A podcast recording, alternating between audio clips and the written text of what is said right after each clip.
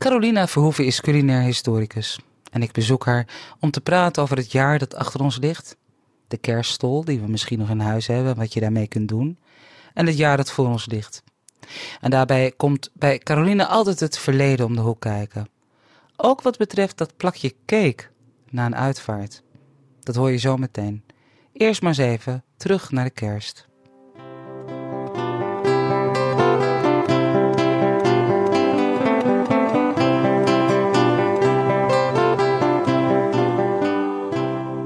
Ja, Carolina, de, de kerst ligt net achter ons. En in menige huishouden was een feeststol of een kerststol aanwezig. Ook al was het alleen maar omdat je die de hele tijd cadeau krijgt. Maar nou begrijp ik van jou dat die stollen eigenlijk uh, het hele jaar doorgegeten worden. Ja, want je hebt, wij, wij associëren dat nu met kerst, een kerststol, echt bestrooid met witte poedersuiker. Maar je hebt een paasstol, ook bestrooid met poedersuiker. Je hebt een pinksterstol, maar een stol of een wigge of een wegge of een stoet. Hè, dat, dat, kijk maar eens naar de Zuidlaarderstoet, is eigenlijk dezelfde. Allemaal hebben ze dezelfde ingrediënten. En, en van oudsher was dat een, een luxe brood. Een brood voor welgestelden. Want wanneer had je dat? Als je in de zomermaanden krenten en rozijnen had. En als het kon al in de 17e eeuw had je al sucade. Hè, dat, dat ging je drogen. Sinaasappel en sinaasappelschil, dat ging je drogen. Dat kwam in de stol. En dat was een tijden van schaarste. En dat was ongeveer november, december. Er groeit niks meer op het land. Je moest teren op hetgeen wat je had. Dat was eieren in het vat, meel van het graan wat gedroogd was, krenten en rozijnen. En, en, en boter, want dat stond in de kelder. Dus die, die vijf ingrediënten gebruikte je voor het luxe brood, de stol. Dat at je alleen maar bij dit soort gelegenheden. En ook lang niet iedereen, want u moet je voorstellen, als je al brood kon bakken, dan had je het hout nodig en een oven. En dan ging toch altijd voor je eigen brood. Dus geen luxe brood, maar je eigen brood. Dus je mag wel zeggen dat het van de hogere adel, dat daar de kerststollen zijn ontstaan.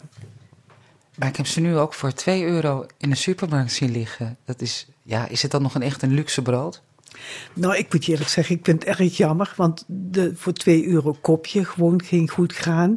En dan wordt het idee erachter, een koop omdat het moet, omdat het op tafel hoort te staan. Ik, ik heb zoiets van, koop liever een stol goede stol of maken we zelf voor 7 euro, dan doe je dat niet zo vaak. Dan blijft het een luxe. Het is nu geen luxe meer.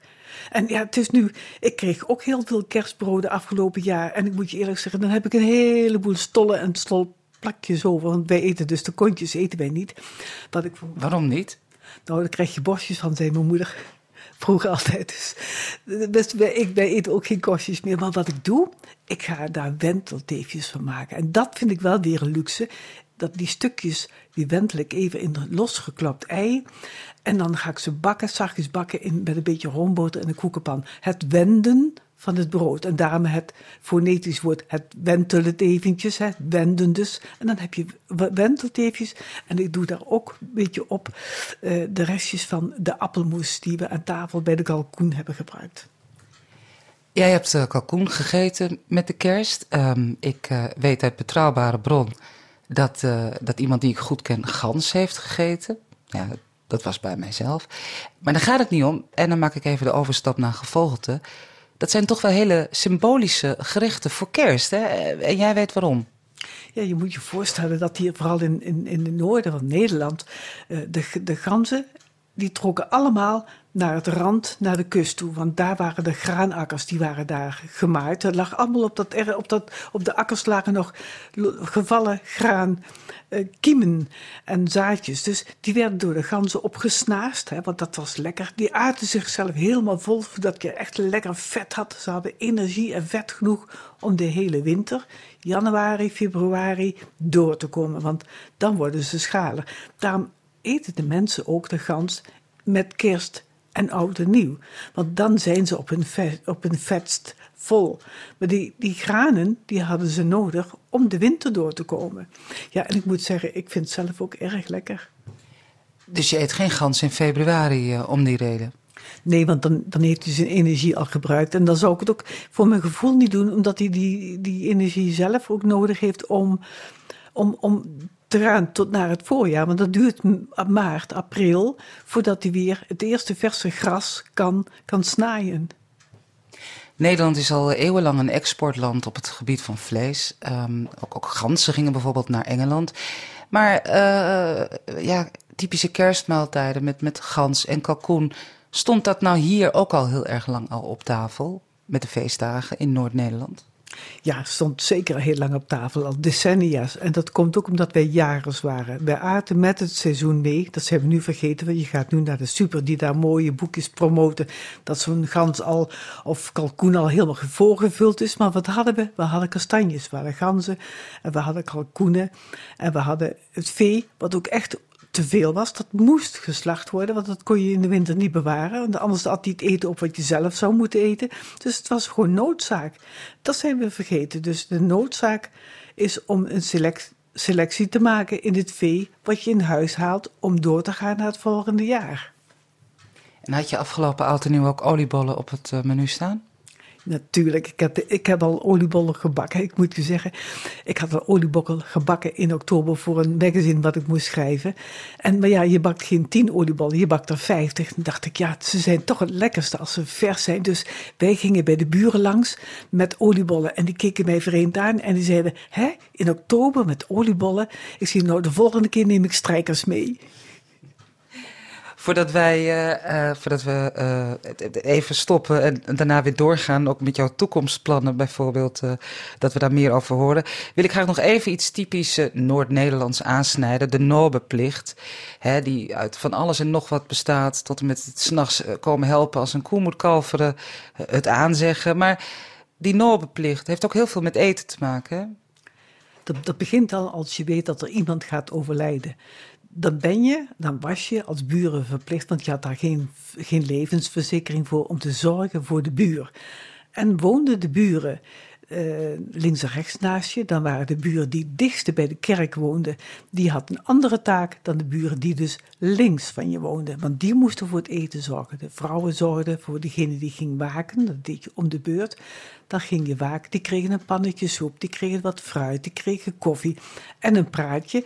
En die andere kant van de buren, die waren, die dichtste bij de kerk woonden, dat was een on afgesproken plicht, die moest gaan aanzeggen, die moest gaan rond gaan vertellen dat iemand of ging sterven of stervende was.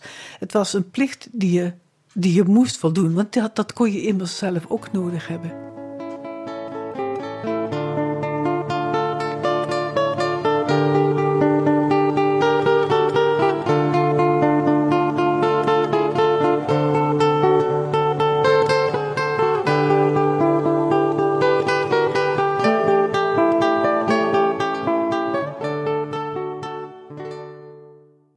Carolina Verhoeven, eh, zojuist hoorden wij jou over uh, normenplicht, over aanzeggen, over maaltijden, over eh, pannetjes, soep. Ja, dat heeft alles te maken met, met rouwgebruiken. En dat is een onderwerp, kan ik wel zeggen, waar jij je al een tijd lang heel erg intensief mee bezighoudt. Op wat voor manier?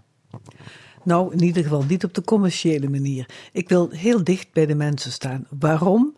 Wat gebeurt er als er iemand in huis is overleden? Wat, begin je dan mee? Haal je al je mensen, je familie in huis en heb je dan nog een gezamenlijke maaltijd met een herinnering, zodat je kunt praten over diegene en over het leven die overleden is? Of heb je een maaltijd na die tijd en wat wordt er gegeten? Want Nederland schuift als cultuur helemaal in elkaar is het nog mogelijk om al die ingrediënten die nodig zijn om zo'n begrafenismaaltijd te bereiden? Kan dat nog wel in Nederland? Is er nog ruimte voor? Want de keukens zijn kleiner, de kamers zijn kleiner, de mensen kunnen niet allemaal meer daar ontvangen worden. Je moet uitkijken naar een andere locatie. Dus hoe gaan mensen daar nu mee om? Maar hoe ging dat vroeger dan? Nou, in de eerste plaats was het vaak dat toch wel de huizen iets groter waren en men schoof dichter bij elkaar. Dat improviseren, dat hoorde iets bij, bij bruiloften, dat hoorde bij trouwen, dus bij, bij begrafenissen, maar ook bij geboortes. Buren kwamen met een mandje wat ze zelf meenamen met koffie, want dat was belangrijk, met een doosje met eieren, met een stuk kaas of een vers gebakken brood. Dat was gebruikelijk. Dat zijn we kwijt. We hebben nu dan, ze zeggen altijd dat plakje cake bij de koffie, maar ook dat heeft een geschiedenis. Dat is ontstaan uit een gewoonte, uit een gebruik. Wat bijzonder eigenlijk dat bij rouwen en begraven eh, automatisch eten, samen eten hoort. Nou ja, gaan we naar het bakje troost. Wanneer drink je een bakje troost? Als je vriendin verdrietig is, zeg je, weet je wat, ach kom even bij mij, gaan we samen even een kop koffie drinken. Of je hebt een boswandeling gehad, dat je zegt, zullen we nog even een kop koffie samen drinken? Je sluit daarmee iets af. Troost is verwerkend, is, is, is pijnverwerkend, hartversterkend. En wij noemen dat soms ook wel een bakje pleur. Maar dat komt van het Franse pleur, huilen. Daar komt het vandaan. En vandaar dat bakje troost en dat plakje cake. Dat heeft nog een heel ander verhaal. Dat heeft nog een heel lang staartje. Maar alles, alle gebruiken hebben een verhaal. En hoe mooi is het om daarbij stil te kunnen staan. Kun je dat nog kort vertellen van het plakje cake of, of lukt dat niet? Jawel, dat, en ook, het is ook een heel oud gebruik. En het wordt in veel landen nu nog gebruikt. Er wordt een koek gebakken. Een oude honingkoek werd vroeger gebakken. Dat werd op de huid gelegd van de overledene. Het lichaamsvocht van de overledene trok in die koek. Ja, in die tijd, je kijkt vies, maar in die tijd hadden ze nog niet zoveel medicijnen. Dat trok erin. Bij, het, bij de uitvaart, het wegdragen van het lichaam, kreeg iedereen, ieder familielid kreeg een stuk koek. En dan zat de geest van de overledene zat in die koek, zodat je dat met je meedraagt. Dat je hem niet vergeet. Ja, het was een gebruik. Die koek is veranderd in een nu luxe plakje kleffe cake. En, maar, maar, het is wel een traditie. En in veel landen, nu nog, twee jaar geleden voor de coronatijd, heb ik het ook meegemaakt.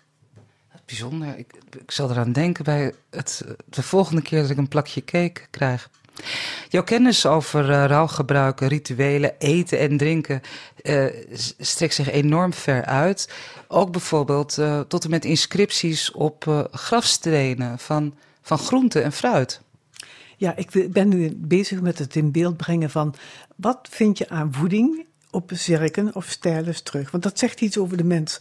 Ik heb een zirk gevonden 1665 in Broek op Lange Dijk. En daar stonden de pastinakel, pastinakelen en de raapjes op het zerk. Dat was dus een heerboer die daar al zijn groenten grootschalig verbouwde en dat naar de, de Warmoestraat bracht in Amsterdam. Dat kwam op zijn grafzerk te staan.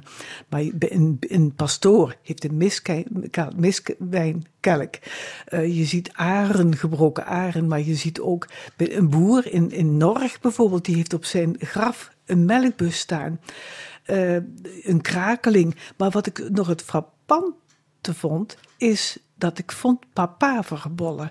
En dan denk ik, wat doen papaverbollen nu op zo'n zirk? Maar nu blijkt dat Groningen, Friesland en Drenthe in de 18e en de 19e eeuw heel veel papaver verbouwden. Dat werd grootschalig verzonden naar België en over de hele wereld. Maar die papaver werd ook al gebruikt als uh, lijdensverzachtend. Want papaver is een opium. Er werd een papje van gemaakt. Dat stond al in 1600 door Rambel Doedens. Dat was een kruidengeneesheer. Al beschreven hoe je dat moest maken. Die papaver werkte dus lijdensverzachtend. Dat, er is een recept van. Die, die vind je ook terug op grafzerk. En daar staat letterlijk op rust, zacht, slaap, zacht. En dan is voor mij de cirkel weer rond. We leerden je ooit kennen bij RTV Drenthe, of ik in elk geval, uh, onder meer door jouw uh, grote interesse voor het wekken, het conserveren van voedsel. En ook nu weer met, met, met, met rouwen, trouwen, hoogtijdagen in het leven, komt dat conserveren bij jou weer terug. En voor mensen die daar nooit bij stilstaan, met alles wat er in een glas of een pot zit, en weet je, heel lang kunt bewaren. Wat, wat is het dan toch? Wat is die magie voor jou van het conserveren? Oh, dat is prachtig dat je dat vraagt. Ik heb er een prachtig voorbeeld van. Ik was bij een mevrouw bovenaan in Groningen en die moest kleiner gaan wonen. En ze zei: Carolina, je moet komen, want ik heb iets wat ik niet kan wegdoen. Ze had zes potten mosterdsoep. Zes drie liter potten met mosterdsoep. En er stond op voor de begrafenis. Mensen maken wat, die bewaren wat. Ze veel te bang dat ze op zo'n eikpunt in hun leven, dat kan zijn de geboorte, dat kan zijn het trouwen en het rouwen, dat je wel veel mensen krijgt, maar geen eten in huis hebt. Dus mensen moeten altijd conserveren. Wat ik ook doe, ik kom telkens weer terug bij het inmaken, bij het bewaren en bij het wekken. En geuren, dat is ook iets uh, wat op jouw pad is gekomen, waar jij je nu uh, ook professioneel mee bezighoudt. Ook ja, geuren voor hoogtijdagen. En geuren hebben natuurlijk heel veel ja, met het lichaam, met eten en drinken te maken. Ja, maar ook commercieel hoor. Want ik heb lang het kookmuseum gehad en mensen kwamen binnen en die zeiden allemaal: oh, Het ruikt hier net als bij mijn opa en bij mijn oma en de keuken van het keukenkastje van mijn tante. Maar ik deed dat een beetje bewust. Ik liet geurtjes ontwikkelen van rookworsten. En dan, als dan een groep senioren kwam, die zeiden: Oh, het ruikt hier lekker naar gerookte worst. En dan had ik een watje met een essence van een geur. Want ik moest ook verkocht worden.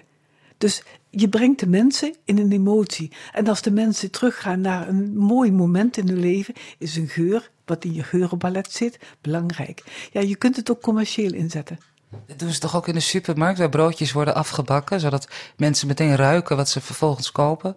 Natuurlijk. En waarom doet een boswandeling je denken aan een hoestrankje? kijk, die dennentoppen. Je wordt er gewoon rustig van. Als kind kreeg je vroeger een hoestrankje met hars ik kom uit een generatie van, uh, van, uh, van patchouli en van, van musk en dat soort, maar dat soort zaken. Maar die zitten in mijn uh, geurenpalet opgeslagen. Dus ik vind dat nog steeds lekker. Die rook doet me denken aan mijn, tijd dat ik met blote voeten door Amsterdam heen liep. Maar mijn kinderen, die zeggen, wat een, wat een lucht heb je ze weer hoor. Die hebben hele andere geuren, met een andere associatie. Maar geur hoort bij je mens.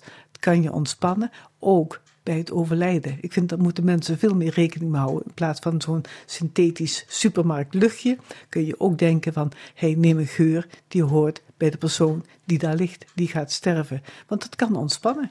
Ja, heb je ook wel voorbeelden van, toch? Ja, ik heb een heel mooi, uh, mooi, mooi voorbeeld ervan. Is toch, toch kom ik weer terug op die harsgeur.